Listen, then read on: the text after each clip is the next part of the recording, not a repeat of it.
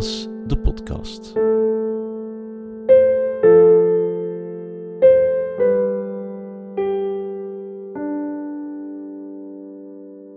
Mijn grootste verlies en grootste gemis op dit moment is ehm, dat je je eigen kinderen niet meer continu bij je hebt. Ehm, ik had gedacht dat dit na enkele jaren of na, na een periode zou beteren, maar eigenlijk wordt het alleen maar erger. Wat het hardste doorweegt is dat je elke week een stuk van het leven van je kinderen mist. Maar ook andersom, en dat is extra pijnlijk, want ook uw kinderen moeten elke week één ouder missen. Het grootste verlies is van aan hun kinderen niet te geven dat ideaalbeeld. Hè? Zodat, ja, die ouders die elkaar graag zien, die, die zich aanpassen aan, aan elkaar en aan het gezin. En, en, en die er, ook al zijn er soms moeilijke wegen, die, die toch weer samen verder gaan.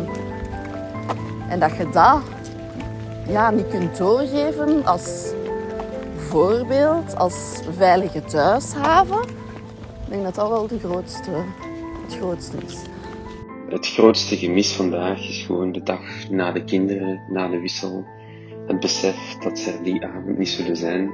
Uh, jezelf aan het afvragen van wat gaan ze doen, wat gaan ze eten, gaan ze goed slapen. En of andere momenten die ze zouden beleven, die een impact kunnen hebben op hen, positief of negatief, waar je dan niet bij kan zijn. Je luistert naar Jonas, de podcast waarin we jongeren en ouders willen ondersteunen na een scheiding. Wij, dat zijn Vanessa en Sophie. Sophie is advocaat en familiaal bemiddelaar. En Vanessa is klinisch psycholoog en therapeut. We vroegen een aantal mensen naar het echte verhaal van hun scheiding of van de scheiding van hun ouders. En met deze ervaringen en verhalen trokken we naar een aantal experts in Vlaanderen en Nederland. Vandaag trokken we naar het Leuvense voor een gesprek met Anne Hoge. Anne is klinisch psycholoog en relatie- en gezinstherapeut. Ze heeft zich de voorbije jaren gespecialiseerd in rouw en verlies en ze richten ook een expertisecentrum op, Verbinding in Verlies, waar ze met een heel team ouders, koppels en individuen begeleidt bij verlies, vooral na overlijden. Oké, helemaal goed. Ja. Ja. ja, dat was wel fijn, want we hebben een paar mensen gevraagd, allee, dezelfde vragen, hè, van antwoord daarop als je daar iets over wilt zeggen. En vooral over verlies vind ik wel zelf dat ze heel veel geschreven hebben. Allee, of gezegd eigenlijk, hè, want ze spreken dat dan in, die mensen. Dus dat vond ik wel echt ja. mooi. Ja, ja veel ik, reactie op ik ben daar heel erg van verschoten. Ja. Zo, dat stuk van verlies heeft iedereen beantwoord. Iedereen, ja. En heel concreet. Mijn huis, mijn bad, mijn keuken. En de vraag was, wat zijn er verloren? Um, wat is voor u het grootste verlies bij een scheiding? Ah, ja.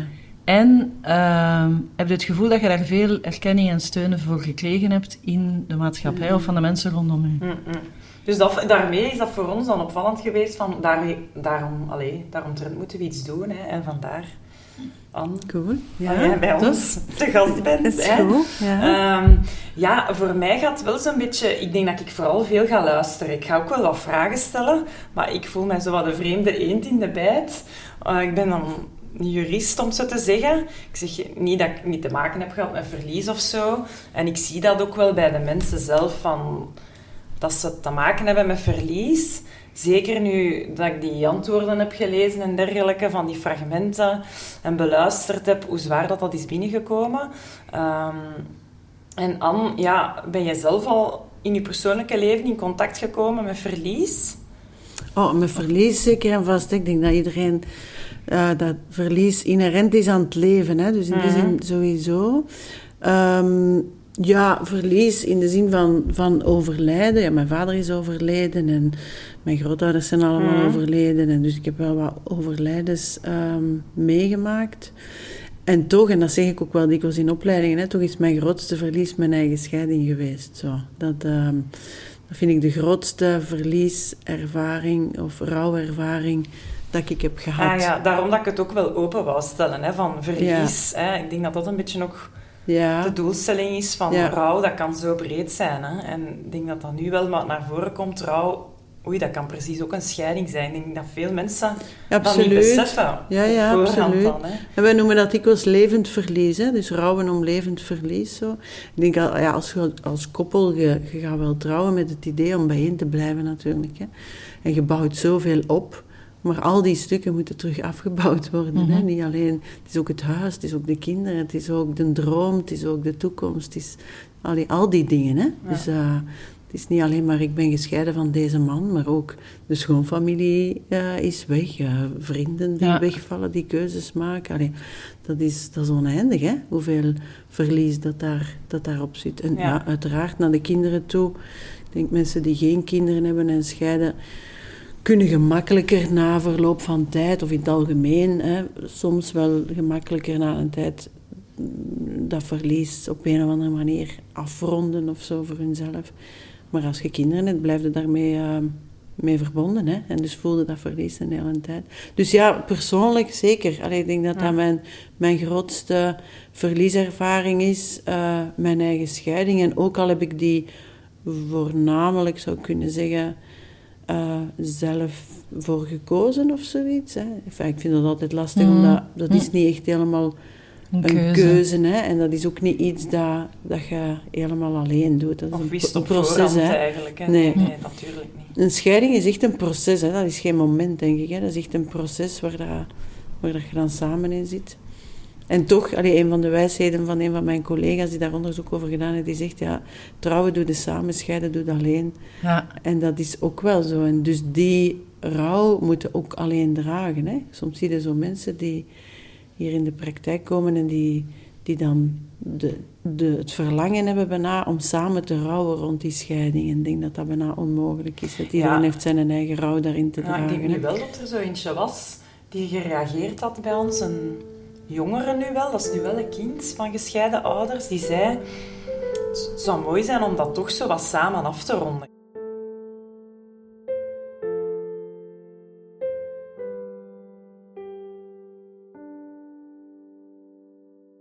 Ik snap als, als uw ouders echt moeilijk ook allee, ruzie hebben met elkaar, dat dat, ja, er is zo geen afsluitmoment, er is zo geen ja, gelijk, allee, dat is heel vreemd, maar ergens is het een verlies, een soort van begrafenis of zo. Dat is heel vreemd dat ik dat nu zeg, maar er is geen afsluiting, maar dat iedereen het nog een keer even loslaat en dan dat een plaats kan geven om juist te rouwen.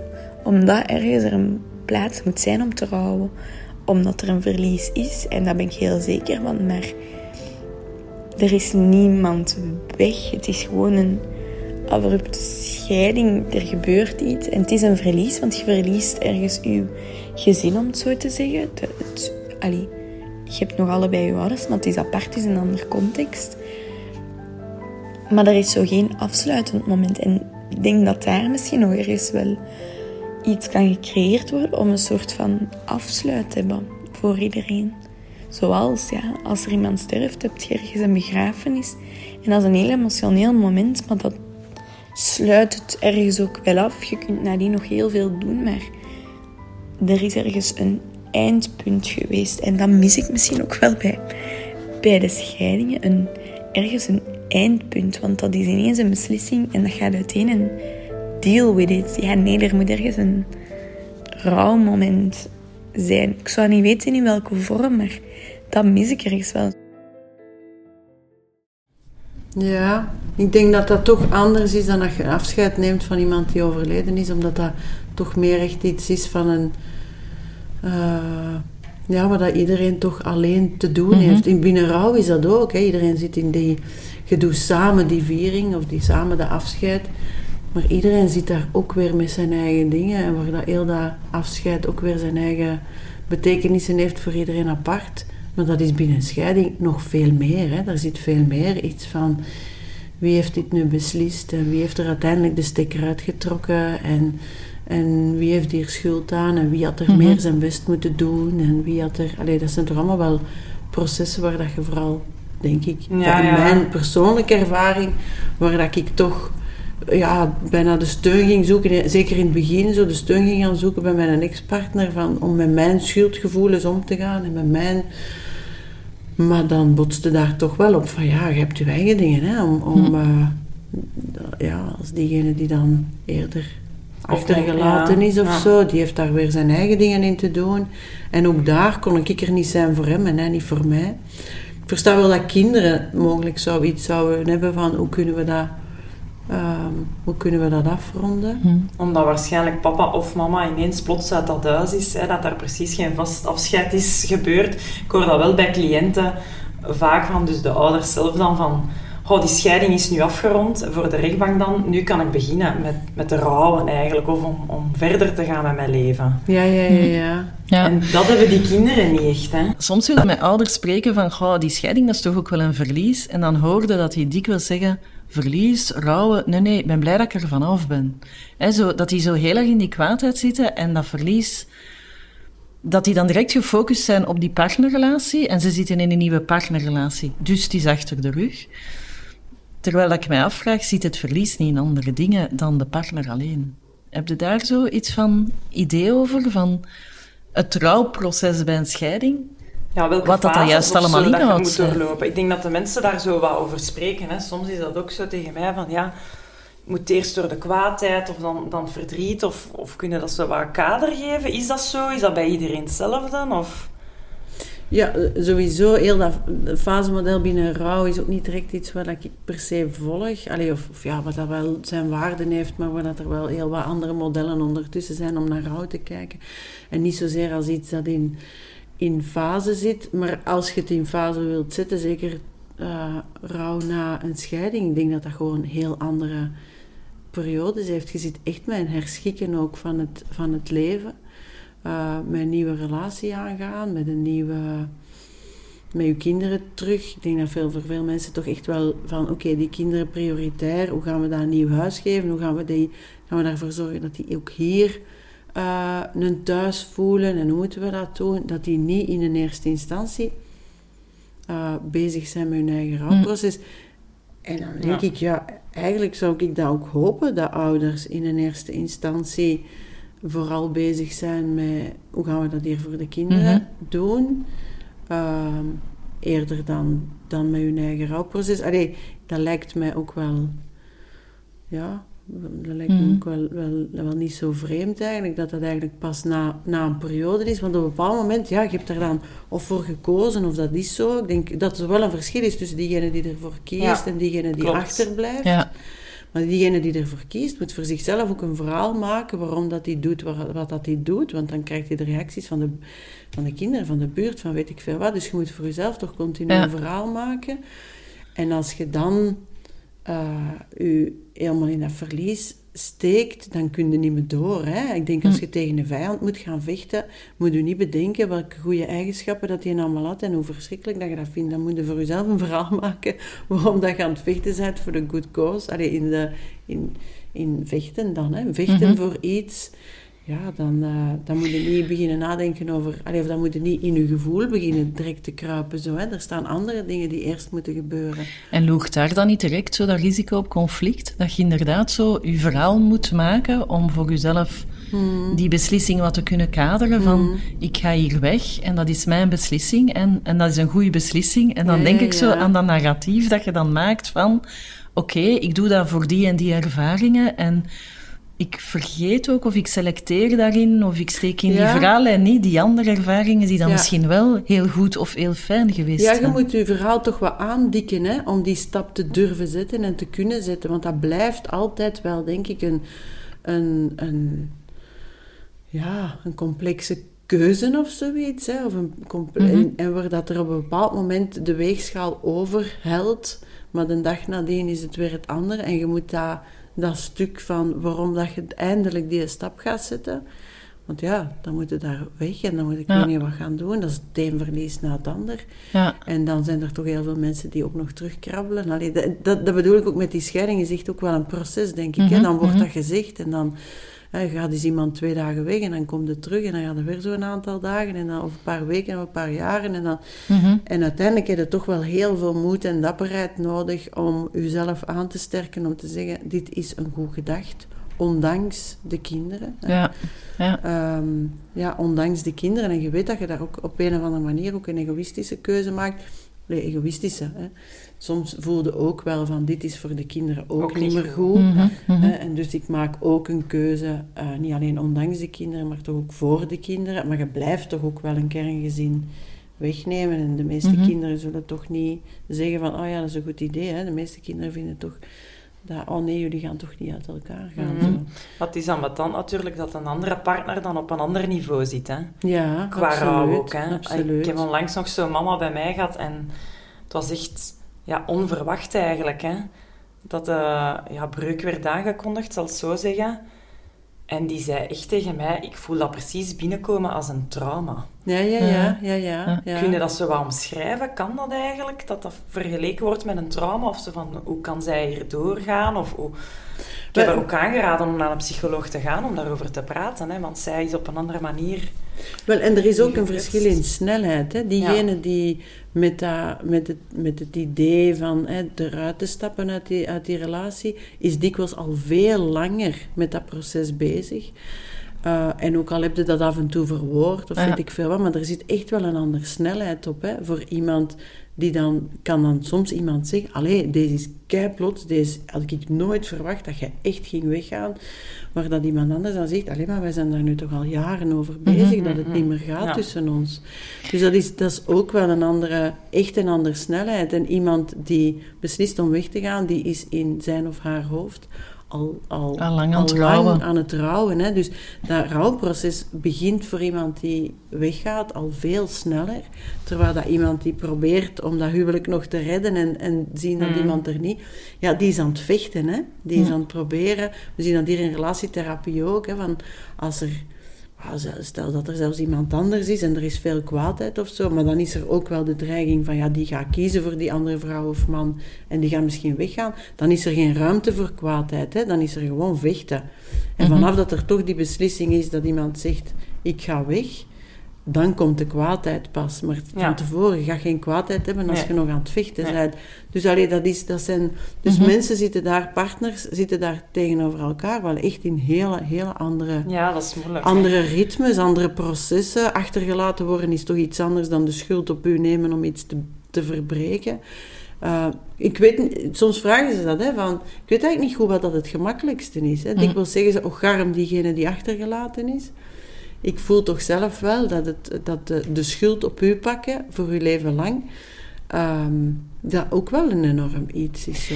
Heeft dat ook niet maatschappelijk te maken? Zodat als je de beslisser bent, of als je de mm. beslissing genomen hebt, dat de maatschappij ook zoiets heeft van, je kiest hiervoor. Ja, ja, absoluut. Dus moet je daarna ook niet komen klagen. Ja, dat hoor ik heel veel ouders toch zeggen. Hè, van, ja, absoluut. Ja, uh, moet je niet komen klagen dat je kinderen mist. Hè, dat wist op het moment dat je ging scheiden. Ja, zo. absoluut. Dus weinig erkenning, hè, dat daar ook heel veel verlies in zit. Zo. Ja, dat is zeker iets waar ik zelf ook persoonlijk ervaren heb. En dat gevoel van, dat wisten Oh, dat, dat, is, dat is zo, weten en niet weten. Natuurlijk weten, co-ouder, oké, hier komt dus nu co-ouderschap op ons af. Als ik dit beslis, dan betekent dat, dat, hè, dat ik co-ouderschap en dat ik maar de helft van de tijd mijn kinderen...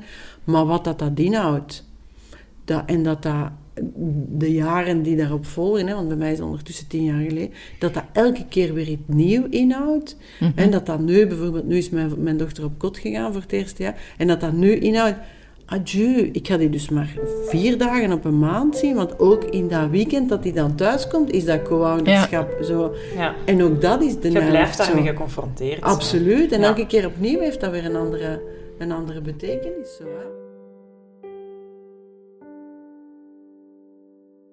Voor mij wordt het verlies groter naarmate de kinderen groter zijn geworden. Je wil meer en meer met hen delen, beleven.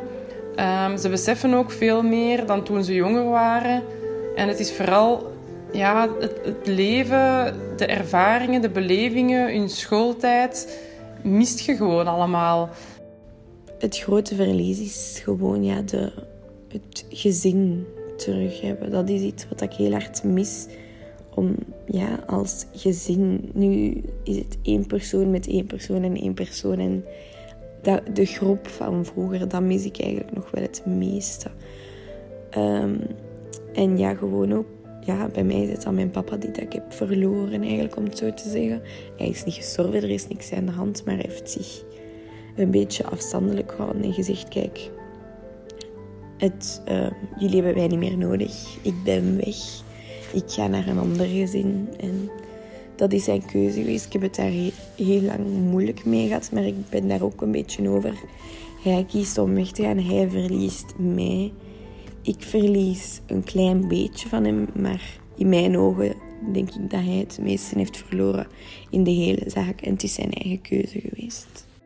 Ik hoor dat kinderen dat ook zeggen, van mama, jij hebt een heel stuk leven waar, dat, waar dat wij soms gewoon niet in zin zitten. Dat is ook zo, hè. voor de kinderen is dat ook zo, maar voor ons is dat ook zo. Hè. Van, ja, je hebt een heel stuk en ja, dan denkt oké, als ze lief hebben, tegen wie gaan ze dat eerst zeggen? Ik denk, ik denk wel dat voor vele mensen die dan in die scheiding zitten, ofwel door keuze en daar schuldig over voelen, ofwel daarin gedwongen zijn geweest, mm denk ik wel dat wij heel veel onder de noemer van die scheiding zitten. Heel veel pijnen zitten wij onder de noemer van die scheiding.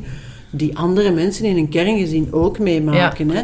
Van, ja, mijn dochter heeft eerst tegen u verteld dat ze lief heeft en waarom niet tegen mij? Ik zeg dat ook soms aan, aan de cliënten wel hoor. Van, je noemt hier nu zaken. Ik denk dat dat ook bij ja koppel die nog samen alleen ja, ja, dat absoluut. ook wel had gebeurd. Ja, ja, dat je je kinderen voelt wegliepen als ze ouder worden. Zo. Van, ze vertellen nog zo weinig. En dat je inderdaad tegen cliënten ook zegt van, maar het zijn ook pubers. en ook als je niet gescheiden bent.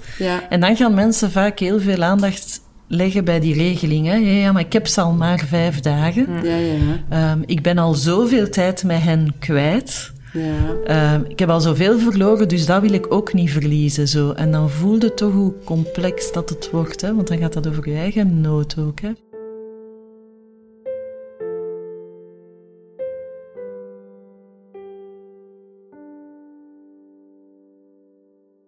Het feit dat ik uh, de eerste beslisser was, de stille beslisser, had ik al de tijd genomen om om, uh, afscheid te nemen van bepaalde zaken.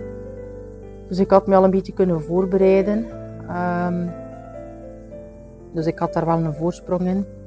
Dat zeker, maar uh, ja, volledig op voorbereiding kun je uiteraard niet. Is dat dat jij ook ervaart? Zo dat bij rouw, hè, bij scheiding, maar ook bij andere rouw, dat je niet kunt voorbereiden?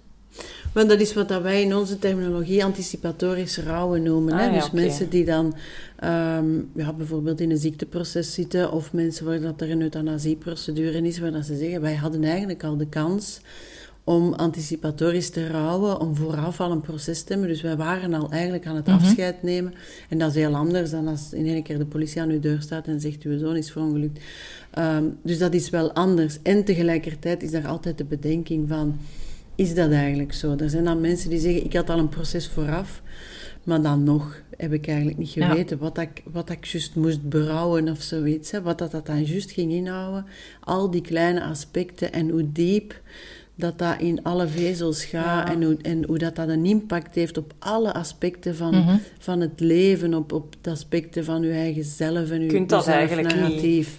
Niet mhm. voorbereiden of inschatten. Ik heb dat toch ook nog iemand dat tegen mij zei, ook al wist je dat van die gaat sterven, het blijft onverwacht. Het blijft toch nog altijd anders dan mhm. dat je het had ingebeeld. Maar goed, ja het is zoiets waar we ons allemaal graag zouden willen op voorbereiden. Hè? Om het zo een beetje onder controle te kunnen hebben. Hè? Ik denk dat dat bij scheiding ook wel zo is. Zo, dat ja, en je weet eigenlijk ook niet goed wat dan nu echt een impact is. Hè? Dus waar gaat er nu rouw, oké dat die persoon er niet is, maar wat dat, dat dan echt gaat betekenen, hoe dat de omgeving rondom u gaat reageren, hoe dat uw kinderen dan uiteindelijk gaan reageren, mhm. hoe dat, dat, dat zijn toch maar dingen die je gaandeweg ja. merkt, of dat je merkt, oké, ik zal wel, ik zal wel terug dit, of ik zal dan in een ander huis gaan wonen. En dan, maar als je daar dan zit en de stilte komt op je af, en dan had ik gedacht, dat, dat, dat had ik eigenlijk niet gedacht dat ik die het toch wel ging missen of mhm, zo. Mhm. Of je zei die ziek en dan denkt je... Ja, ik heb de, ah. de meesten die dat ik gehoord heb, die, die herkennen dat ook. Allee, die zeggen, ik heb dat onderschat. Ook de eerste beslisser. Hè? Absoluut. Sowieso. Absoluut. En ook, wat dan moeilijk ook is voor hun, ze zeggen dan ook, of, of bij een overlijden, dat is dan wel, je ziet die persoon niet meer, maar bij de andere ouder, als, als de mama of de papa de andere dus nog graag ziet, of het er moeilijk mee heeft, en je moet toch nog dat contact hebben, dat is iedere keer die, die confrontatie. En dat steekt in je nart, letterlijk eigenlijk. Ik denk dat dat toch een andere soort... Het is een andere soort rouw, hè? Ja. ja. Het is ook... Ik denk dat Manu Kersen dat zegt, hè. De rouw na een overlijden is rouw rond iets dat er niet meer is. Uh, een rouw bij levend verlies is dikwijls ook rouwen om iets wat dat er is de hele tijd. Hè. Zo mm. een handicap of een, en continu geconfronteerd worden met de, ja, de ex-partner die een nieuwe situatie aan het uitbouwen is, of die je ziet veranderen, of, mm. of kinderen die heel erg trekken naar de nieuwe, allez, of de andere partner of zoiets, hè, naar de ex-partner. Of als uw kinderen zeggen, oh, ik ben eigenlijk, is het goed als ik dit weekend toch bij papa blijf, want ik ben daar eigenlijk wel liever. Oh, dat zijn dingen die, die door... Mm. Die door... Uh, ja, geen been gaan, bij wijze van Ja, ja, dat, dat, raakt alle aspecten. En dat dat ook niet kunnen inschatten wat dat, dat is. Hè. Wat dat, dat is om dan... Um, ja, of samen naar een oudercontact te moeten gaan. En, en, en, en uw ex-partner zit dan, ja, ja, dat is waar, juffrouw. Hè, want, ja, en, en je denkt, fuck, ik ken deze verhaal helemaal niet. Ik weet helemaal niet wat dat was met die slechte toets. Ik heb dat gemist. En dan, ja, dan zie je dat daar een contact is tussen uw ex-partner. Als je daar dan al samen kunt zitten. In ons geval is dat wel zo. Wij komen eigenlijk heel goed overeen. Maar, maar toch merkt in een hele tijd. En je wordt een hele tijd zo toch wel wat uw eigen ouderschap staat een hele tijd ook in ja. vragen. Doe ik dat hier wel goed genoeg?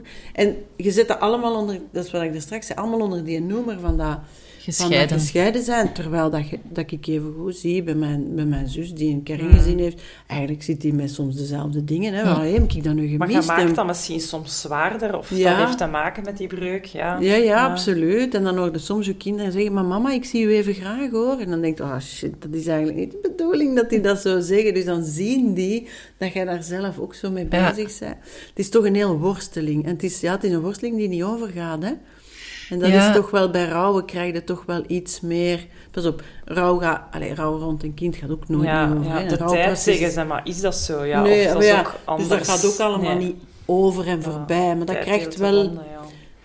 ja. dan niet. Dus tijd nee, heelt niet alle wonden, maar de dingen krijgen wel een andere kleur. En, en het wordt wel, wel, ja, wel minder hoekig of zoiets. Hè. Je krijgt dat toch iets of wat ja, geïntegreerd in een verhaal of zoiets. Terwijl dat een scheiding vraagt voortdurend, allee, of een, een co-ouderschap dan eigenlijk. Hè. Dus Misschien niet direct de, de scheiding op zich.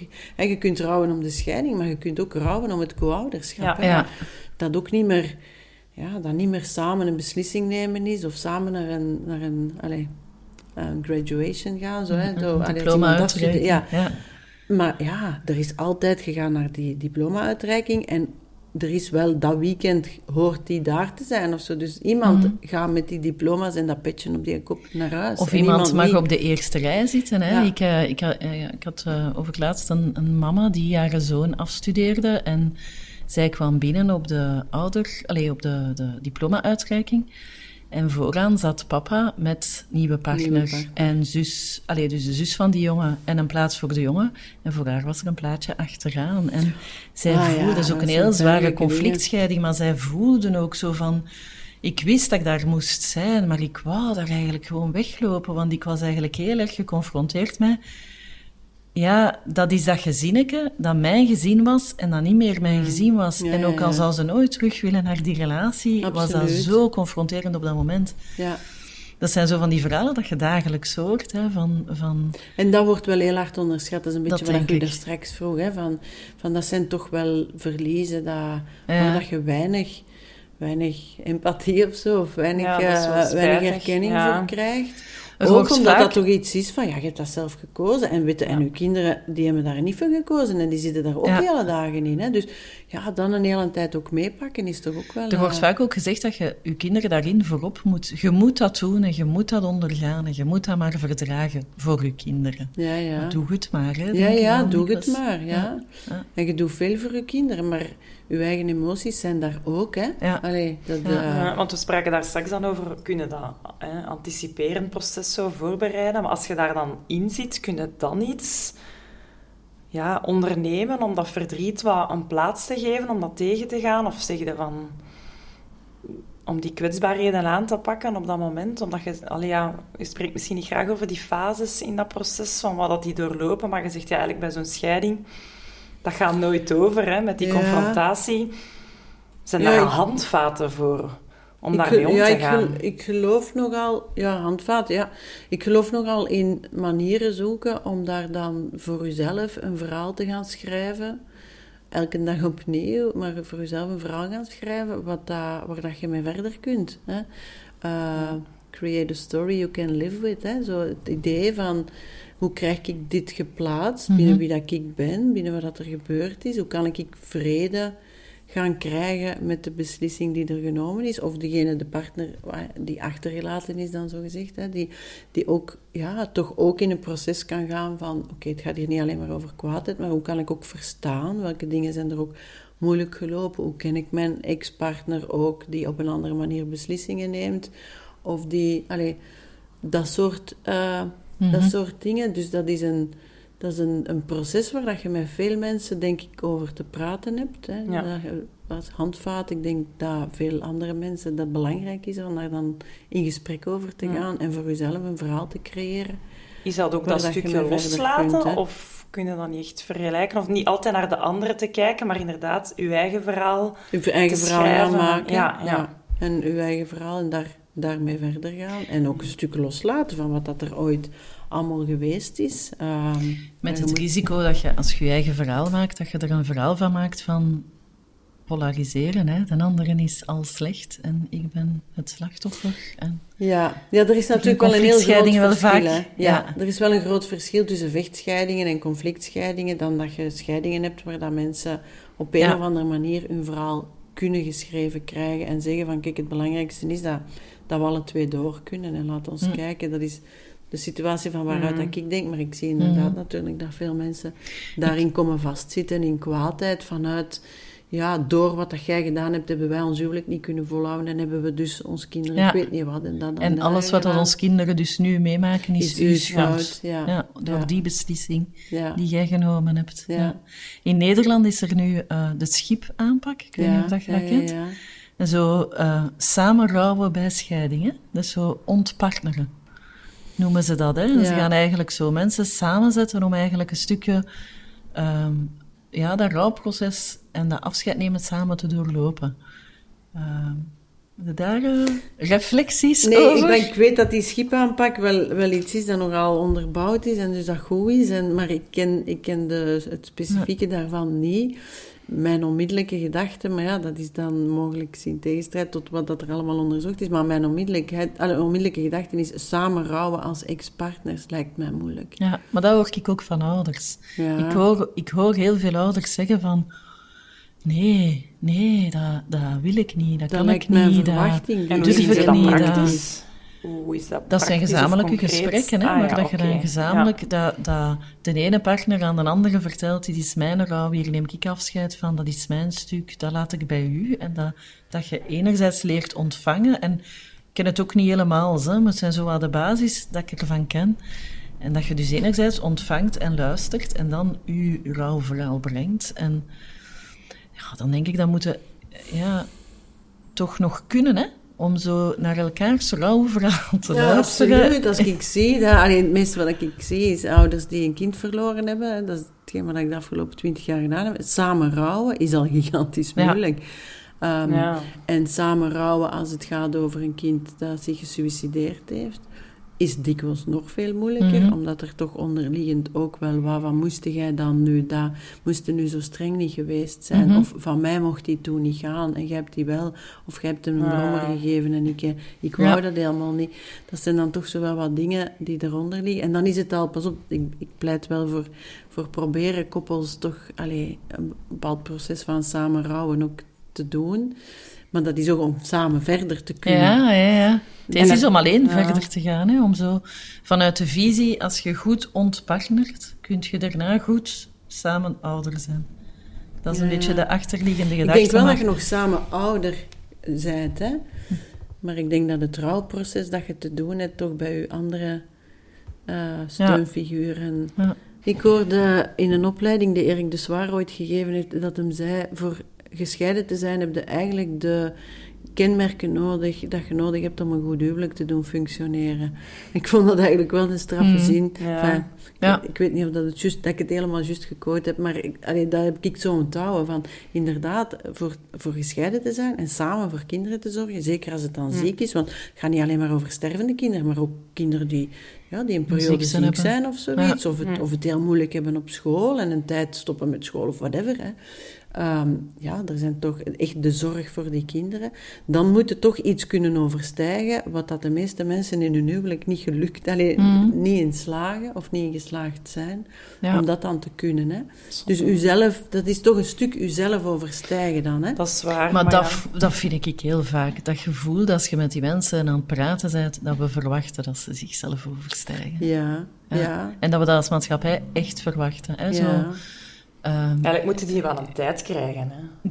Tijd en ruimte, maar die is er niet, want ondertussen moet er van alles geregeld worden. En het is eigenlijk ook een, een rouwproces dat nooit stopt. Hè. Ik, ik, ik uh, herinner mij dat uh, als ik jong was, is mijn mama gestorven en dat ooit eens iemand tegen mij zei van uh, het is makkelijker als uw mama sterft dan als uw ouders... Nee, Wacht, hè. Ja, het is makkelijker dat uw mama sterft dan dat uw ouders gescheiden zijn. Mm Dus rouwen na een, een sterf of een overlijden is gemakkelijker dan rouwen na een scheiding. Ik was daar toen razend kwaad wel, ja, ja. uh, maar nu hoor ik dat veel ouders ook zeggen. Zo van, ik had eigenlijk soms cru gezegd, liever gehad dat mijn partner overleden ah was, dan dat ik gescheiden ben. Ja. je hebt ook veel minder, je hebt dan geen co-ouderschap niet meer ook. Hè? Ja. al die dingen komen er... Ja. dan maakte daar ook een idealer allee, beeld van, hè, van die partner. Dat is ook zo. Hè. Uw verleden wordt niet herschreven. Hè. Mm. Als je gescheiden bent, wordt dat verleden. Hè. Ja, ah, wel, en dat gaat allemaal terug ook wel op die betekenisgeving. Hè. Als je inderdaad... Bij een scheiding heb je toch altijd nog ergens de betekenisgeving... Dit had kunnen vermeden worden als we meer ons best hadden gedaan. Als we daar andere dingen hadden gedaan. En dat is een heel moeilijke betekenisgeving om te kunnen rouwen. Terwijl dat een betekenisgeving dikwijls van, ja, kijk, mama is ziek geworden. Ik weet niet hoe dat uw moeder overleden is, hè, maar hè, voor sommige mensen, oké, die is ziek geworden, dat is de natuur. Mensen sterven. Um, ja, ze heeft daar niks aan kunnen doen. Ze wou heel graag leven, maar het mocht zo niet zijn. Ja, dat is een andere betekenisgeving om in verder te kunnen. Hè. Ook voor een kind, van ja, ik had hier geen, niks aan te doen. Ik had hier niks mm. aan te zeggen. Dit is de natuur, dit is zo gebeurd. Ja, maar we kunnen natuurlijk zo'n scheiding, ja kunnen we dat dan normaliseren? Misschien wel, of in de maatschappij, maar misschien anders op reageren gewoon. En zowel de eerste beslisser als de tweede beslisser die erkenning geven van, ja, kijk...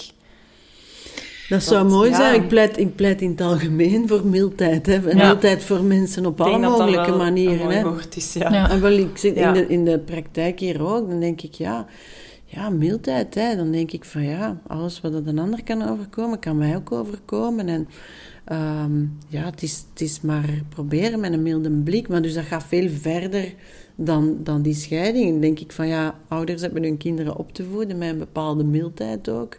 Naar, naar ik weet niet wat, naar klasgenootjes en naar, mhm. naar, naar, andere culturen en weet ik veel wat. En als je met mildheid en kunt zien van oké, maar van een, van een ander reageert vanuit zijn perspectief en misschien kun je daar ook wel een milde blik in hebben. Als je kinderen dat mee hebben dat is waar. Dan, dan, dan, ja, dan gaan ze misschien ook wel naar mensen die scheiden of weet ik veel wat. Er is niemand die scheidt voor zijn goesting. Hè. Mm. er is niemand die denkt, ga ik hier nu eens iets, iets geweldig doen, hè, iets tof. Uh, ik ga hier nu eens iemand anders, ja, gewoon de... Ja, klein mm. maken en ik ga daarvan weggaan. Ay, dat is een absurde gedachte. Mm. Dus dat nee, is maar niet iets wel van... echt dat die derde echt wel ja, een belangrijke niet steunend zijn vaak daarin. Ja, absoluut, absoluut. Ja, en, en, en, je verwacht te veel en je hebt onrealistische gedachten van het huwelijk. En, en wat denk jij wel? Het is bij allemaal niet. En, zo, ja. ja, en je gaat geen betere vinden en het gras is niet groener aan de andere kant. Al die dingen, veel herkenning zit daar dikwijls niet mm. in. Pas op, ik wil ook mild zijn voor de omgeving. Hè? Want ik denk ook wel dat... Dat is het goed dat, Ja, dat mensen ook proberen om... Zeker hè, zo ouders en zo, die zeggen... Oh, manneke, je weet niet waar dat je instapt. Hè? Die soms al wel dingen zien die jij dan nog niet ziet of zo. En dat ouders van, van iemand die dan beslist zegt van... Zit er wel zeker waar dat je instapt? Want het leven is geen, geen pretje in een huwelijk, hè? maar in een gescheiden huwelijk nog veel meer. Wel, maar kunnen dat niet volgen? Ik, ik, ik heb soms toch ook het gevoel dat... De, eh, als ik dan zo ook die, die verklaringen van wat dat mensen als het grootste verlies ervaren, dat dat heel veel dingen zijn waar dat mensen inderdaad op voorhand niet bij stilgestaan mm hebben. Dat er zo gewint iets door weg te gaan, maar dat er ook heel veel verlies is. Uh, ja, we hebben het nu niet gevraagd aan mensen. Hè? Als je het opnieuw zou doen, zou je het mhm. opnieuw doen of waar heb je spijt van? Maar er, er, er komt soms zoveel verlies bij kijken, dat je je toch ook kunt afvragen van, is het dat dan waard geweest? Ja. Uh, dat moet iedereen voor zichzelf uitmaken natuurlijk, hè? maar... Ik, ik, ik maar dat is van geen het... optelsom, hè? Dat is, allee, ja, is het het dan waard geweest? Dat is ook een gevoel natuurlijk. Bij momenten wel en op andere momenten niet natuurlijk. En, en het is, dat verlies zit inderdaad op heel veel niveaus. Het verlies van jezelf, hè, dat je zo denkt van oké, wat heb ik nu gedaan? Hoezo had ik mezelf niet gezien? Ben ik nu iemand die, die huwelijken kapot mm. maakt? Of die, hè, zo, wie ben ik nu? En nu sta ik alleen en nu ben ik single en, en allee, dat soort dingen. Maar ook, ja, wat heb ik met een, met een ex-partner mm. gedaan? Wat blijft er nu nog over van ons?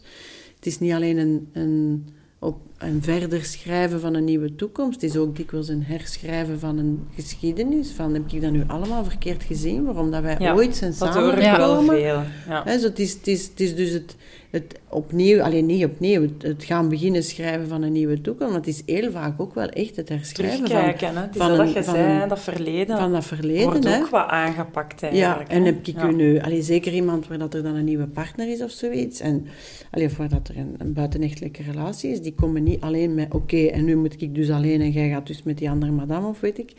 Maar ook van, heb ik u nu zo verkeerd begrepen, heb ik dat nu zo verkeerd ingeschat, wat dat wij hadden samen, ehm, heeft dat nu allemaal geen betekenis gehad of zoiets. Dus het is wel echt een herschrijven van, van heel wat dingen.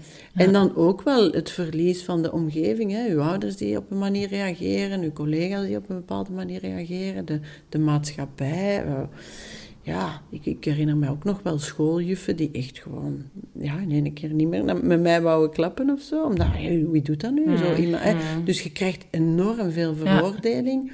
En is het dat allemaal waard? Ja, nee, maar dat is geen optelsom, hè.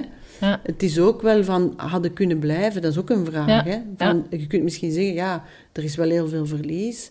Maar wat, is het, wat zou het verlies geweest zijn als je had gebleven? Dan had je misschien ook een stuk van jezelf moeten verloren en of aan de kant steken. Dus, alleen, dat zijn allemaal wel complexe optelsommetjes um, die niet te maken vallen. Hè? En dat je, dat je ja, oké, het leven is, loopt nu zo.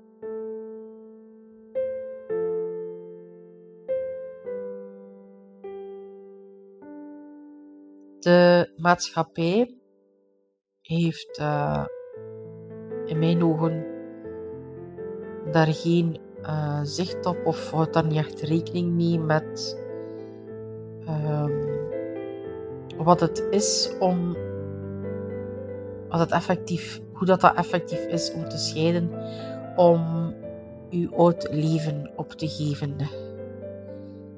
Uh, de dingen die ik al had opgenoemd, uh, wat dat voor mij zwaar zijn, is dus dat je je huis moet afgeven en het gezin uh, ook al was het slecht. Hè.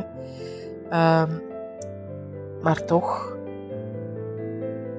uh, ja, dat was mijn leven. Hè.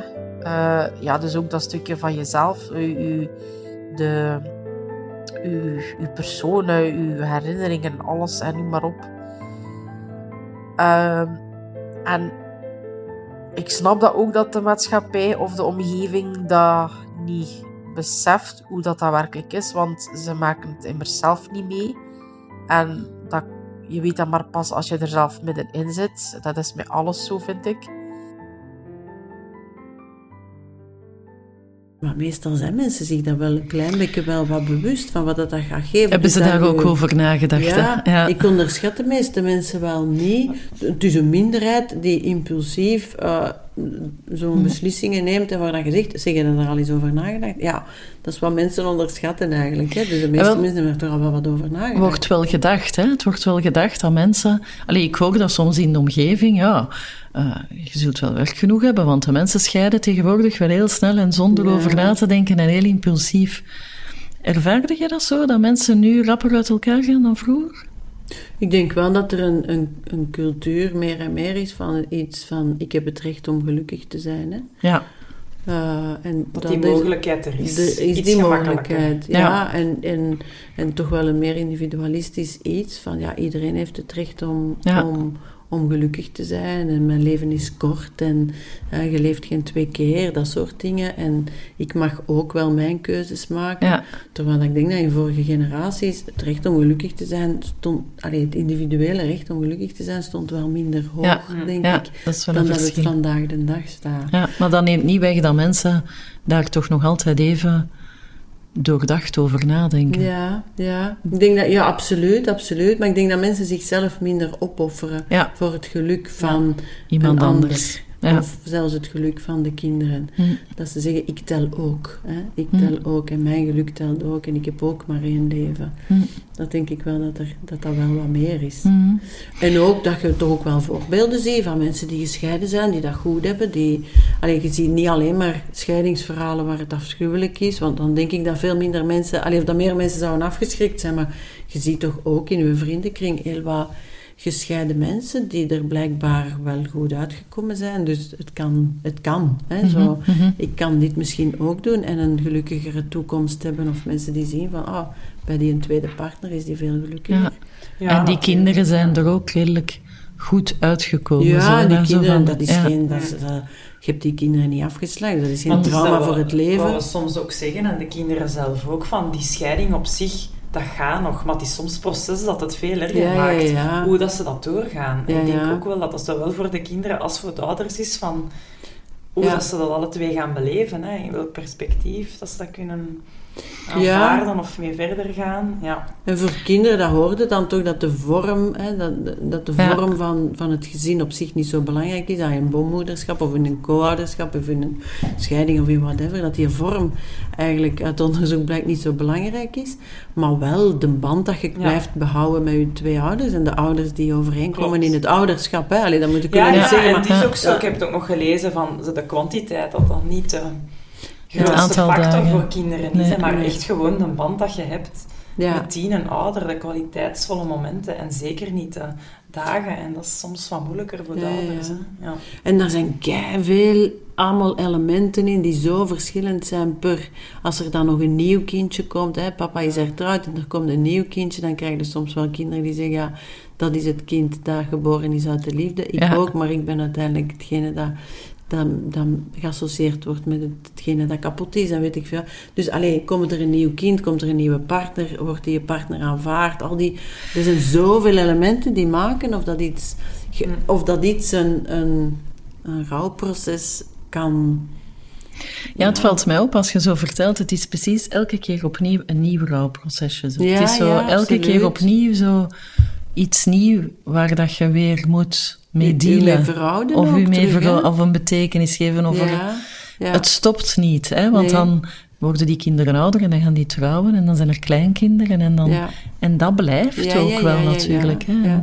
En dat heb je bij rouw natuurlijk, en rouw na een overlijden heb je dat ook op een bepaalde mhm. manier. hè, van, dan zie je dat de, dat de kinderen van die klas afgestudeerd zijn en dan zie je dat die kinderen van die klas waar de dochter had moeten inzitten, dat die beginnen te trouwen en dan zie je dat er, hè, dus ja, er zijn ook wel elke keer opnieuw maar dat is niet in de realiteit, doet zich dat niet helemaal voor. Het is niet dat je elke keer je te verhouden hebt tegenover, maar wel in fantasie of in wat had kunnen zijn. Ja. En daar moet je daar ook elke keer. Meer begrip ja, voor de omgeving. dat is het grote verschil.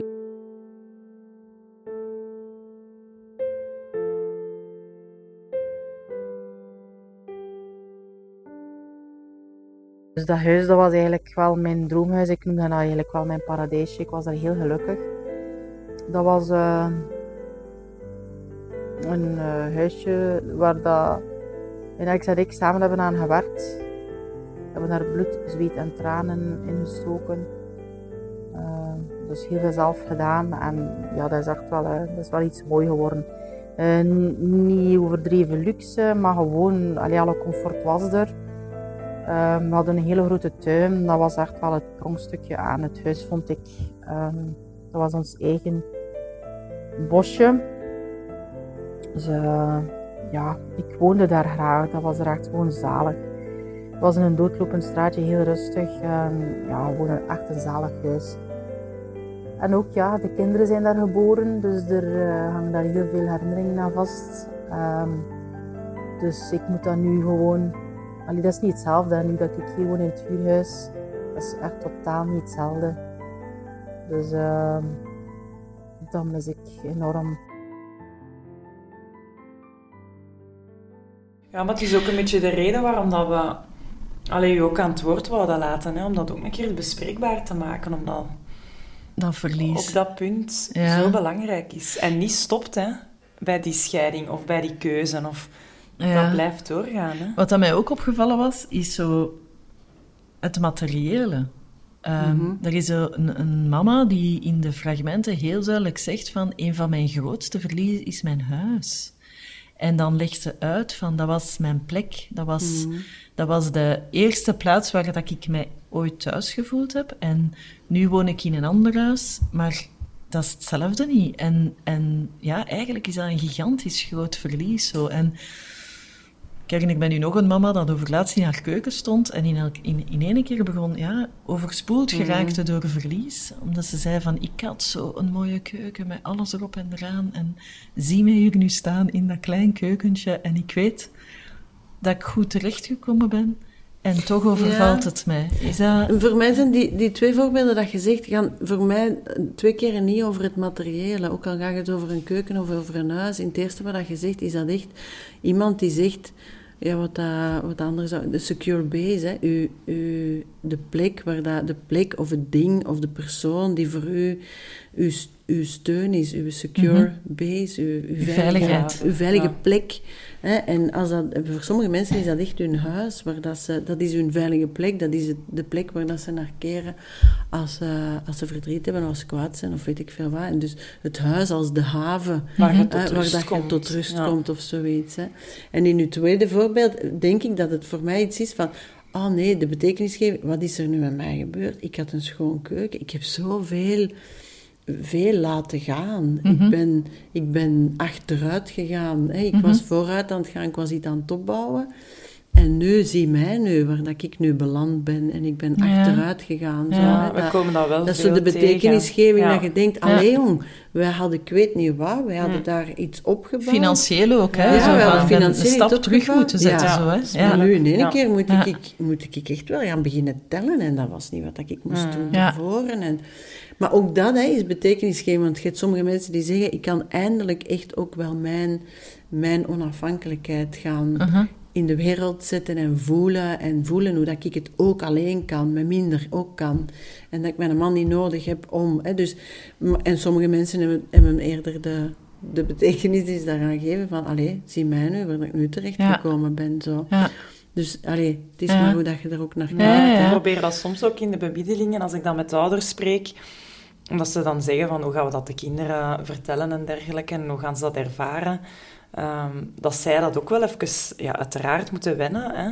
En dan bijvoorbeeld letterlijk, omdat je nu sprak van, sta hier in mijn keuken of, of, of in die woning, dat ik zeg van, die kinderen komen beneden en daar staat bepaalde, zeg maar iets, een platenspeler niet meer, of, of iets mm speciaal van papa of van mama, dat dat zo ah ja, die worden daar ook mee geconfronteerd. zo net als de ouders, maar dan ook die kinderen. Dat is zo kleine materiële zaken in die woning. Ja, veranderd. Ja. En geluiden, hè. Ik had ooit een kind die zei van... Uh, vroeger als ik in mijn bed lag en zelf al kwam papa, hé, laat thuis dan hoorde ik die binnenkomen en dan hoorde ik die praten en soms die lachen met elkaar. Mhm. En nu is dat altijd zo stil. Ja, ja, ja. En dan denk ik, dat is, dat is ook dat verlies. Hè? Het zit in heel veel ja, ja. stukken. Hè? Ja, ja, absoluut. Want is dat dan wat anders voor kinderen? Ze zeggen vaak, ja, kinderen zijn meer veerkrachtiger, die kunnen daar wat rapper door. Of...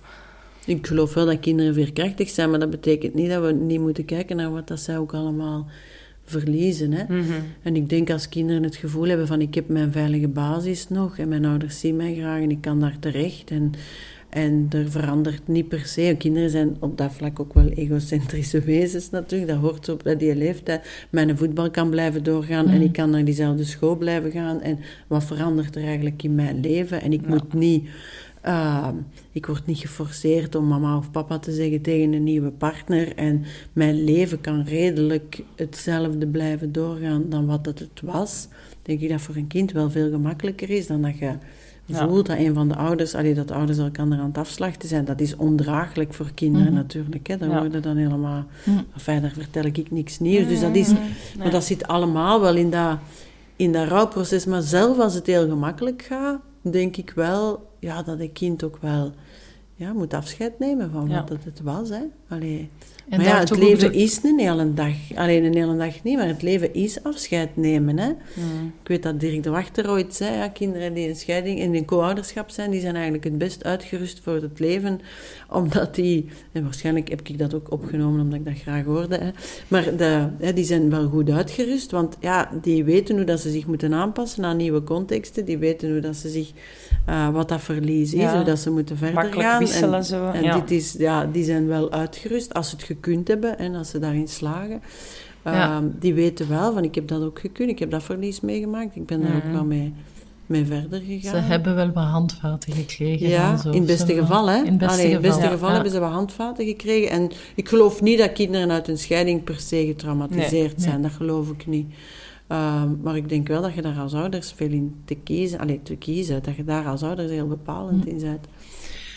Annie, ik gebruik zelf zo nogal vaak dat dual pros- procesmodel, ik kan dat altijd moeilijk uitspreken, in de vorm van een bootje. Ja. En zo de ene kant die reorganisatie, de andere kant allee, dat herstellen, en de andere kant dat verlies. Verlies.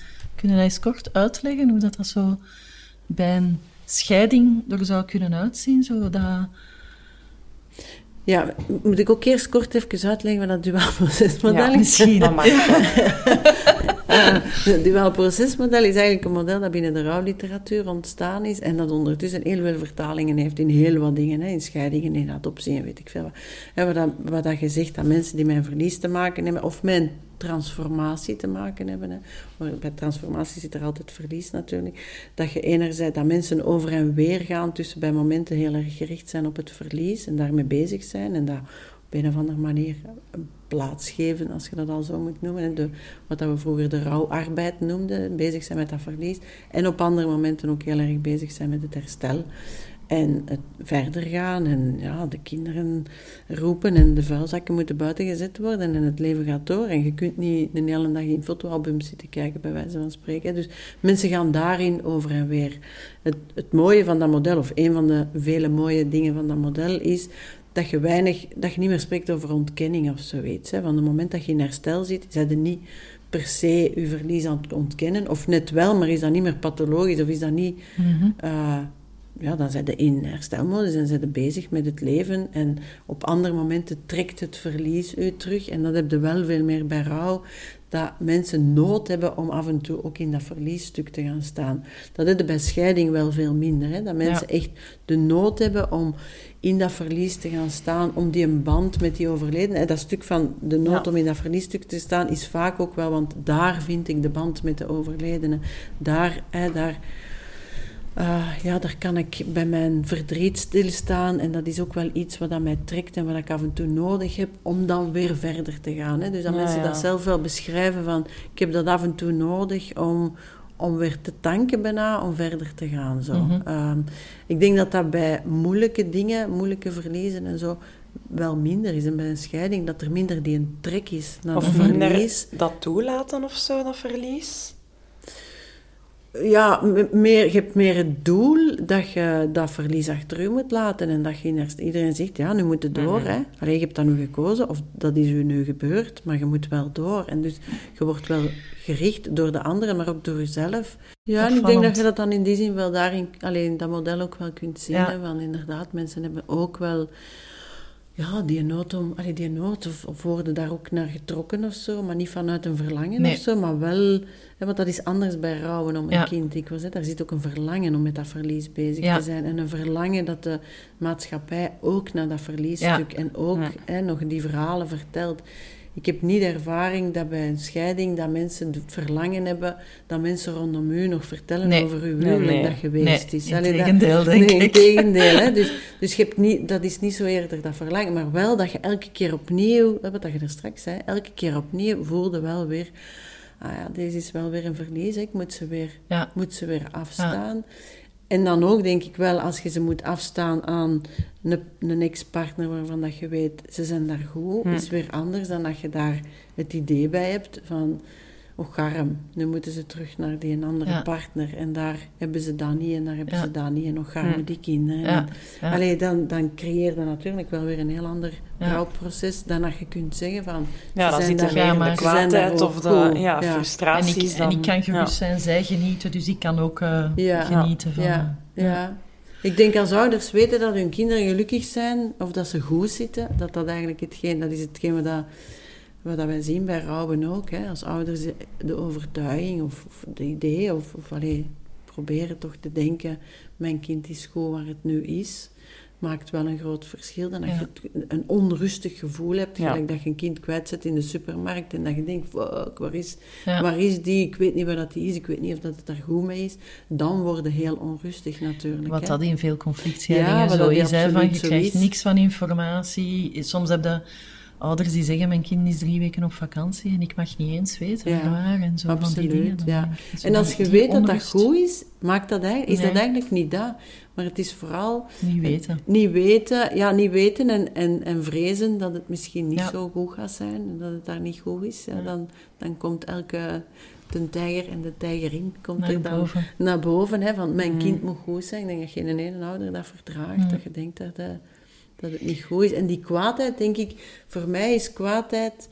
Um, uh, die klas ergens dat je zei, kwaadheid is het, is het, de, het verlies binnenste buiten of zo? Ja, binnenste buiten gekeerd verdriet. Dat is van uh, Griet op de Week. Ah ja. ja, ik vind dat heel schoon. Hè? Mm. Ik denk dat kwaadheid ook veel met machteloosheid te maken heeft. maar misschien verdriet ook. Hè? Maar ik denk dat kwaadheid heel veel met machteloosheid te maken heeft. Dat je voor iets staat waar dat je... En ja, de dood is ook iets, hè. Er staat de machteloos tegenover. Of, ehm, maar dat... Ja, en geen invloed niet meer geen zien invloed, Ja, en geen impact. Eh, niks kunnen doen om te mhm, veranderen aan de situatie. Zo, hè. Als je het gevoel hebt dat je toch nog impact kunt hebben. Ik denk dat ja, de machteloosheid, je kinderen zijn ergens en je hebt daar geen zicht op en je hebt daar geen vat op en je moet laten gebeuren. Ehm, ja, je moet met je kind laten gebeuren wat dat je niet wilt dat er gebeurt, of weet ik veel. Ja, dan sta je daar machteloos te kijken en dan kun je niet anders dan roepen. Hè. Ja. Ik denk, zolang dat dat conflict dan ook bezig is, dat dat rouwproces ook niet kan... Dat is wat de lieve Godwin ook zegt, hè, als je niet kunt... Als je als ouder niet kunt geloven dat je kinderen goed zijn bij de andere ouder, dan zit in de greep van het conflict. Ja, wel, dat denk ik ook. Ja, dat denk ik ook wel. Ja. Die zitten dan nog op dat moment volledig in dat conflict. Ja. Ik denk dat, dat het idee dat dat geen goede partner was misschien, maar wel nog een goede moeder is, of wel nog een goede vader is, dat dat wel echt heel cruciaal is. Van oké, ik vond het een, een nurk van een vent en dat was niet meer samen te leven, maar het is wel een goede papa, dat maakt het wel veel anders. Ik denk, dan kunnen we wel rouwen om een, een, relatie die niet gelukt is of zo. Of, of om een, ja, alles wat je daarmee kwijt bent geraakt. En schoonfamilie en een huis en weet ik veel wat mm. allemaal. En financiële mogelijkheden. Mm-hmm. Maar dan weten toch wel dat als uw kinderen, als het een goede papa is, dan valt er toch wel veel meer te verdragen. Hè? Mm. Dus ja, fijn, daar zit een goede expert in. Er is een groot verschil tussen dat, dat ouderschap en dat partnerschap, ja. dat ex-partnerschap. Mijn ouders en zus probeerden hulp te bieden, maar ze wisten zich geen raad en hebben me eigenlijk niet geholpen. Ze waren bijna even radeloos als ik. Dikwijls heb ik hun raad eerder als storend en pijnlijk ervaren. Ze konden niet om met mijn pijn. Ik kon mijn hart niet of nauwelijks luchten bij hem. Tot op de dag van vandaag merk ik dat sommige mensen helemaal niet om kunnen met het leed van anderen. Ze blokkeren dit en praten liever over koetjes en kalfjes, wat dan weer zeer pijnlijk is voor mij. Ik krijg niet altijd erkenning voor mijn verlies. De ouders van mijn huidige vriend bijvoorbeeld, die zwijgen mijn kinderen dood. Er kan en er mag niet over gepraat worden. Er is zo nog één thema waar ik het zo zeker met u nog eens zou over hebben. En dat is zo het verlies van een kind dat je niet meer ziet.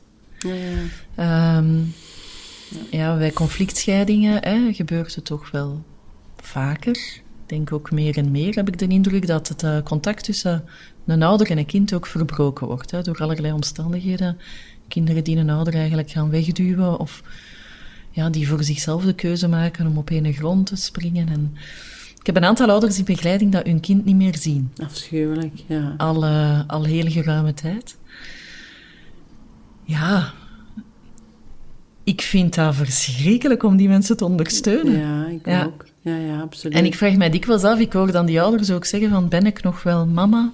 Of hoe kan ik nog papa zijn als mijn kinderen niet bij mij zijn? Ja. En dat doet mij dan toch ook weer aan de rouwen denken. Hè? Ja, ja, absoluut. Ja, dat is wat wij in de literatuur ambiguous loss noemen. Hè. Dus dat is het verlies van iemand die nog bestaat, hè, waar dat je geen fysieke aanwezigheid niet meer van hebt, maar die er fysiek nog wel is. Hè. Ja. Allee, of die, die er nog wel bestaat. Hetzelfde net bijvoorbeeld met een vermissing. Hè. Ja dat is, ja, je kunt dat, je kunt dat geen plaats geven. Hè. Je kunt dat, die hoop blijft elke dag, dat je dat op een bepaald moment, dat die gaat terugkomen en dat daar terug opnieuw een relatie is. Ik denk dat dat afschuwelijk is. Als mensen tegen mij zeggen van, dat is het ergste dat er is, een kind dat overlijdt, dan denk ik uiteraard, hè, uit, ja, maar een kind dat vermist is, of een kind dat je niet mocht zien, of waar dat je geen contact meer mee hebt en waar dat je gedwongen wordt om in een afstand van te leven, ik denk dat dat onmenselijk is. Ja, het was ook zo die dame dat we, van in dat boek hè, dat we gelezen hebben van, uh, ja. van Ine van Wemeers dan eigenlijk, dat we ook geïnterviewd hebben, dat ze het ja, ondraaglijk psychisch lijden voor die dame eigenlijk. En dat was toch wel een van de grootste drijfveren, namelijk dat contact verliezen. Ja. die kinderen. Wel, omdat je daar ook nog altijd met die hoop zit. Hè? En hoop is ook iets, iets dodelijk bijna. Hè? De hoop is niet alleen maar in het positief, maar je zit een hele tijd met die hoop dat er toch nog iets gaat veranderen. En dat vraagt energie ook wel, hè? die hoop. Ehm, terwijl dat bij een overlijden, ja, is die hoop weg. Hè? Allee, dat dan, dan, dan moet er naar andere vormen van hoop gaan natuurlijk. Die hoop kan u natuurlijk ook zo in een soort modus zetten van ik moet hier nog voor vechten, ik moet hier nog iets aan doen. Hè, terwijl dat je soms voelt dat die kinderen misschien tijdelijk even wat rust nodig hebben of dat die strijd wel losgelaten wordt en dat u dat dan aangeraden wordt als ouder, maar dat je met jullie lijf voelt van ik kan die toch niet gewoon zo laten. Nee, maar ik denk dat je bijna... Dat, ay, ik, ik heb niet zoveel ouders. Dat, ik heb één vermissing gehad en ik vond het afschuwelijk. Je kunt geen rust vinden in je lichaam. Mm. Hè. Je voelt ook in de begeleiding daarvan, voelde ook hoe dat daar een onrust zit. En, en, ja, en, en zelf ook als therapeut vind ik ook dat je altijd maar ja, die hoop voelt van misschien, hè, stel je nu voor, zou ik die nu eens opbellen? Zou ik die nu zelf gaan zoeken? Hè? Zo die, dat, dat oh, dat herken ik ook, dat je als therapeut dan het gevoel hebt van zou ik niet eens proberen om met die kinderen te gaan praten en te, te, te, te en te vragen van, kunnen we hier toch niet iets herstellend in doen? Ja. En ik heb dat al gedaan ook, vanuit waarschijnlijk mijn eigen machteloosheid en eigen ongeduld en zo, dat ik toch wel... Um, ik had zo'n vrouw wiens kinderen allemaal niet meer contact wouden hebben met haar. Zo.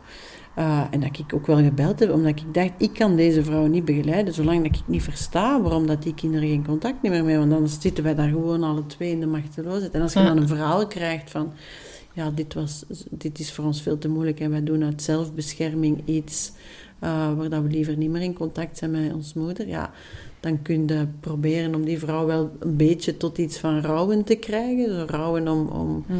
het niet in contact mogen zijn. Maar dat is nog altijd niet hetzelfde soort rouwen dan afscheid nemen. Hè. Afscheid nemen gebeurt daar niet veel. Hè. Je kunt daar geen ritueel gaan doen van oké, nu, want morgen staat het terug op en hoopt het terug. Hè. Mhm.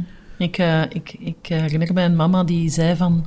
Er is een periode geweest dat ze mij vroegen, heb je kinderen? Dat ik zei nee. Ah ja, oh, afschuwelijk, ja. En dan voelde ik in heel mijn lijf, nee, dat klopt niet. Dat is loyaal, ja. En, en, en nu zeg ik ja, maar ik zie ze niet. Maar dan soms heb je ook geen zin om dat te vertellen tegen de mensen. Want daar wordt ook een heel, ja, direct een heel verhaal dan gevraagd. Of een heel oordeel.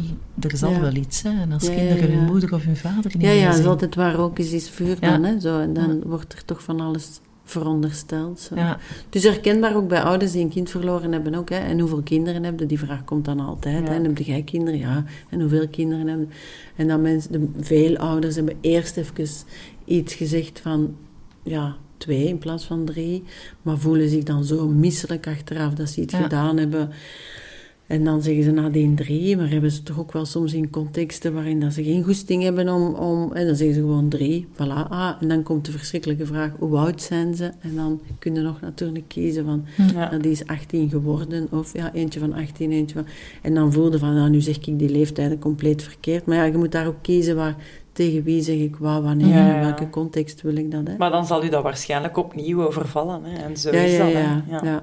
Ja, ja, dat hoor ik elke keer opnieuw. Die vraag van hoeveel kinderen hebben en hoe oud zijn ze, dat is zo de vraag die, ja, waar elke ouder schrik van heeft dat die gaat komen. Hè. En die komt natuurlijk continu. Hè. Maar veel ouders vinden daar ook wel weer een weg mee. Hè. Ja, het is dat wat je zegt. Hè. Daar moet je dan wel leren mee omgaan, je verhaal mee, mee ja. schrijven. Daar is dat ook weer anders. Dat is dan overlijden. Of bij een scheiding, dat is zo. Maar inderdaad, geen, je kinderen niet meer zien, dan zelf Ja, wel, ik denk opnieuw, zoals uw kinderen overleden zijn, de erkenning voor dat verlies. Uh, als uw kinderen u niet meer willen zien, of hè, u door omstandigheden niet meer zien... Uh, ja, een van de mensen die getuigen heeft, zegt ook, zelfs mijn eigen familie zegt soms, zet u daar nu eens over. Ja, ja, maar dat hoor ik hele dagen. Hè. Draait die bladzijde niet om, ja. uh, heb het nu nog niet verwerkt, hè, zo die vreselijke dingen. Zo. Um, ja, ga voort. Um, er zijn genoeg vissen in de zee, je kunt nog kindjes maken. Allee, dat soort ja. stomiteiten allemaal, dat mensen zeggen met ook enige mildheid denk ik, ja, een omgeving probeert ook maar iets te doen waarmee dat jij in de hoop, helpen, in de hoop om je vooruit te helpen, maar realiseert zich soms niet hoeveel pijn dat dat doet, omdat je daar, je hebt geen zin om vooruit te gaan. Nee. Hè? Allee, je wilt vooruit gaan, maar niet als dat betekent dat je iemand moet achterlaten. Zo van, ik wil vooruit gaan, maar ik pak die wel mee. Hè? Mm -hmm. En dus die moet meeblijven, een deel uitmaken van mijn verhaal. En dan kan ik vooruit gaan. Dus ik moet het kunnen meepakken en dan kan ik vooruit gaan. Ja. Enfin, dat is binnen, binnen rouw rond een, een overlijden zo. Hè? Ja, maar ik denk rouw binnen een scheiding. Allee, Mogelijk die situatie van kinderen sowieso hè, ook. Hè? Ja. Zo je kinderen na vijf jaar terugzien. Het zijn vijf jaar dat je ze kwijt geweest bent. Dat, je nooit dat is ook een groot rouwproces, hè, dat je ik weet niet hoeveel niet gezien hebt, hè, dat je ik weet niet hoeveel gemist hebt. En dat is binnen co-ouderschap ook al zo, hè, dat je denkt, amai, ja, ik heb die nu... Uh... Maar dan groeide mee, hè? Ja, ja, ja, absoluut. De papa had die uh, zijn kind na vijf jaar terugzag en zei van in mijn hoofd was hij nog altijd die kleine jongen ja. en ik kreeg hem terug als een puber die een kop groter is dan Amai. mij. En, ja, en dan voelde wel, ik heb veel gemist. En, ja. En ik heb daar niet mogen staan als vader. Ja. ja. En nu moet ik blij zijn dat hij terug is. Ja. Ja, de verloren zoon zo. Hè? En dan, moet ik, dan kun je alleen maar blij zijn. Terwijl dat ernaast dat blij zijn ook weet niet hoeveel rouw is natuurlijk. Ja, en de continue angst dat het weer gaat fout gaan. Ja spreek nu over scheidingen of over, over lijden, maar het is wat je zei. Hè. Uiteraard worden daar mee geconfronteerd. Ja, verlies, dat zit in, ja. ja, verlies ja. en liefde, dat zit in het leven. Hè. Ja. Dat is, we waren daar straks over bezig van, als therapeut kun je moeilijk zeggen, ja, ik werk niet met verlies. Dat, dat klinkt voor mij als, ik werk okay. niet met de liefde. Allee, ja, uh-huh. dat is gewoon inherent aan het leven. En dat is elke keer opnieuw stapjes zetten. En als je ontslag neemt, zelfs als je ontslag neemt, moet je toch ook nog opnieuw dat terug oplossen. Dat is hetzelfde ja. met die beslissing. Ja, je hebt dat toch beslist? Ja, beslissen en beslissen, dat is twee. Hè? Allee, ja. dat is, uh, en dikwijls zijn je ook niet bewust van wat dat, dat dan allemaal gaat inhouden. En, dus de mens, ga maar. En elke, elke keuze dat je maakt, bet, ja, betekent dat je iets anders niet kiest. Hè? Ja. Nee, dat is, uh, dat is. En dus, dus elke keer verliezen. Hè? Jonas, de podcast. We hadden nog twee afsluitende vragen dat we zo aan iedereen een beetje stellen. Okay. En uh, de eerste is... Um, wacht, even ik zoek. Ja, ik denk, dat, ik denk dat je bedoelt zo voor nog wat tips of zo. Of, of um, het is misschien... Allee, voor mij sowieso al, Anne, ik kan dat zeggen, voor mij was het echt wel echt een boeiend gesprek. Dank ik vind je. dat dat voor mij zelf is van... Probeer daar zeker stil te sta, bij stil te staan voor de mensen die ik zie dat dat toch niet eenvoudig is. Nee. Eerste beslisser, tweede beslisser, wat het ook is. Dus ik vind dat dat belangrijk is, denk ik ook voor de luisteraars, om daar zo wat bij stil te staan. En inderdaad, wij stellen altijd zo wat dezelfde vragen op het einde van, van het gesprek. En een van die vragen is er ook bij van, heb je nog tips? Misschien wat bijzonder hier voor u, maar waar, voor de mensen die ofwel zo in... Midden in dat verlies ja, zitten. midden in dat Ja. verlies zitten. Zowel misschien voor de ouders als voor de jongeren. Hoe kunnen daar best mee omgaan? Um, ik, ga, ik ga mijn best doen. Hè. Ik ben niet de madame van de tips en de tricks um, en van de adviezen. Zo. Um, de, ja, ik ga terugkomen bij de mildheid ook. Zo. dat vind ik wel een, een hele belangrijke. En omring u met mensen die u graag zien, denk ik dan. Wie ziet mij graag en wie kan ik... Ja, wie gaat er met milde ogen naar mij kijken? Mensen die dat niet kunnen, dan denk ik van ja, je hebt ook de keuze om. Je, je kunt kiezen soms met wie dat je omringt ook. Hè. Ehm, en als mensen u niet verstaan, ja, dan, dan kun je ook mild zijn voor het niet verstaan. En, en soms vanuit de gedachte, ik zou waarschijnlijk twee jaar geleden ook niet verstaan hebben wat ik nu zelf aan het zeggen ben. Dus die, allee, dat, wat dat veel mensen in rouw ook zeggen, hè, van ik maak nu dingen mee en ik vind het verschrikkelijk hoe dat ze op mij reageren. Maar ik zei, ik, twee jaar geleden zei ik, ik juist hetzelfde tegen de mensen. Dus allee, daarin ook wel wat het idee van, ja, mensen... Uh, tijd creëren, hè. Uh, dat is wat ik in mijn opleiding heb geleerd, van als mensen met die dingen bezig zijn, creëer tijd. Probeer tijd te creëren, dat je niet te impulsief... Ja. Um, mensen gaan soms om rust te vinden, knopen doorhakken, hè, om, hun, om, om, om, daarin wel wat rust te vinden, want dan is het beslist. Hè. Maar dan keren ze daar toch nog, ja, een paar keren op terug. Zo. Ja. dus ja, hoe kun je daarin ook, ook rust creëren? Ik, denk ook het, het spreken, dat is wel een beetje mijn thema. Hè, van, ik vind dat het absoluut veel te veel verkondigd wordt van spreek daarover en spreek daarover met iedereen. Ik denk niet dat dat, dat, dat een goed gedacht is. Hè. Um, ja, maakt uw verhaal, hè. maakt uw verhaal waar je mee verder kunt. En dat, dat hoeft allemaal niet zo feitelijk, allee, dat moet ook geen, geen absurd verhaal zijn, maar ja, maakt een verhaal waar je zelf mee, mee verder kunt. ja, ik vind het zo mooi dat wat Geen madame van de tips te zijn. Ja, wat is dat? Ja.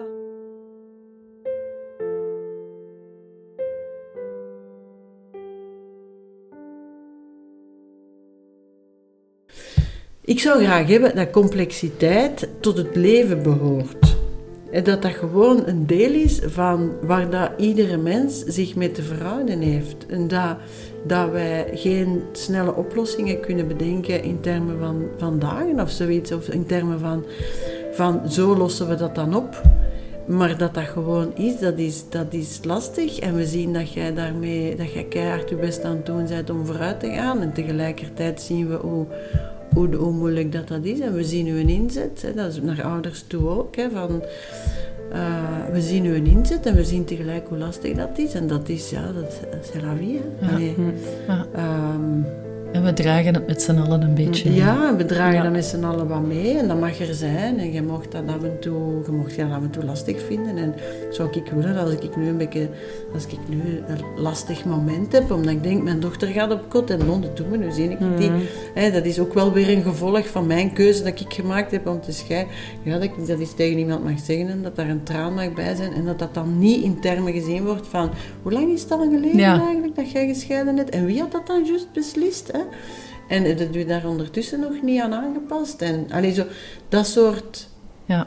Allee, dat, dat, dat, ja, dat... dat er wel meer in gedragenheid komt. Ja. Overal. En ja. mildheid overal voor de complexiteit. Voor de complexiteit. En weten van ja, het leven is complex. En mensen proberen maar het beste ervan te maken. En, ja. Dus in die zin zijn zo'n podcast dat jullie nu maken, ik vind dat gewoon geweldig knap. Hè? Dat is dan ja, dat is een sensibilisering voor gewoon moeilijke thema's die des levens zijn, waar dat mensen mee te dealen hebben en waar dat je niet met dader-slachtoffer-achtige dingen zit te denken. Want ik heb het soms moeilijk met de juridische wereld, die toch wel graag de dingen versimpelt in daders en slachtoffers. Waar ik denk, ja, zo, het is wel een pak complexer. Het zit complexer in elkaar. Ja, het zit complexer in één ja. dan dat. Hè. Ja, maar het is dat ook dat we ze een beetje willen meegeven. Ik vind dat tof. Ik denk niet alleen dat wij daar iets aan hebben gehad. Hè denk dat ja, tof is. Herkenbaarheid vind ik ook wel belangrijk. Voor mensen die daar dan zo wat in zitten.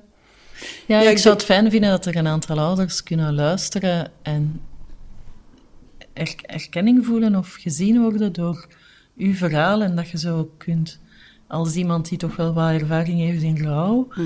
kan zeggen van uw rouw mag er ook zijn. Het is een hele andere dan een gewone rouw, maar uw rouw mag er ook zijn. Ja, ja, dat is een deel van u geworden. Het hoeft uw identiteit niet te zijn, maar het is wel een deel van, van Ik denk dat dat heel veel ouders wel deugd gaat doen. Merci. Dank je wel. Alsjeblieft, graag gedaan.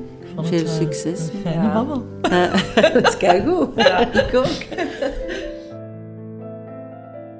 Dit was een aflevering van Jonas, de podcast. Hopelijk hebben jullie er ook iets aan gehad. Zijn er nog vragen of bedenkingen? Laat gerust iets weten. Wij hebben een Facebookpagina, Jonas. Jongeren en ouders ondersteunen na scheiding. En laat dus maar uw feedback achter. Ja, en is er een expert waarvan jij denkt dat we die ook zouden moeten uitnodigen of dat het interessant zou zijn om een gesprek mee te hebben? Geef ons dan zeker ook een seintje via onze Facebookpagina. Klopt. En uiteraard willen we ook nog wat mensen bedanken. In de eerste plaats zijn dat de jongeren en ouders die hun verhaal hebben gedaan en hun ervaringen hebben gedeeld met ons. Het is dankzij jullie uh, dat wij deze podcast konden maken. Daarnaast uiteraard ook de experts zelf. Die hebben de tijd genomen en die hebben ons echt wel nog wat meer inzichten gegeven. Ja, en als laatste natuurlijk de mensen die ons wat technisch geholpen hebben voor het maken van deze podcast. Dat zijn in eerste instantie TLD Compositions voor de muziek en Jelle Kools voor de verwerkingen van alle opnames achteraf. Dank Alvast bedankt.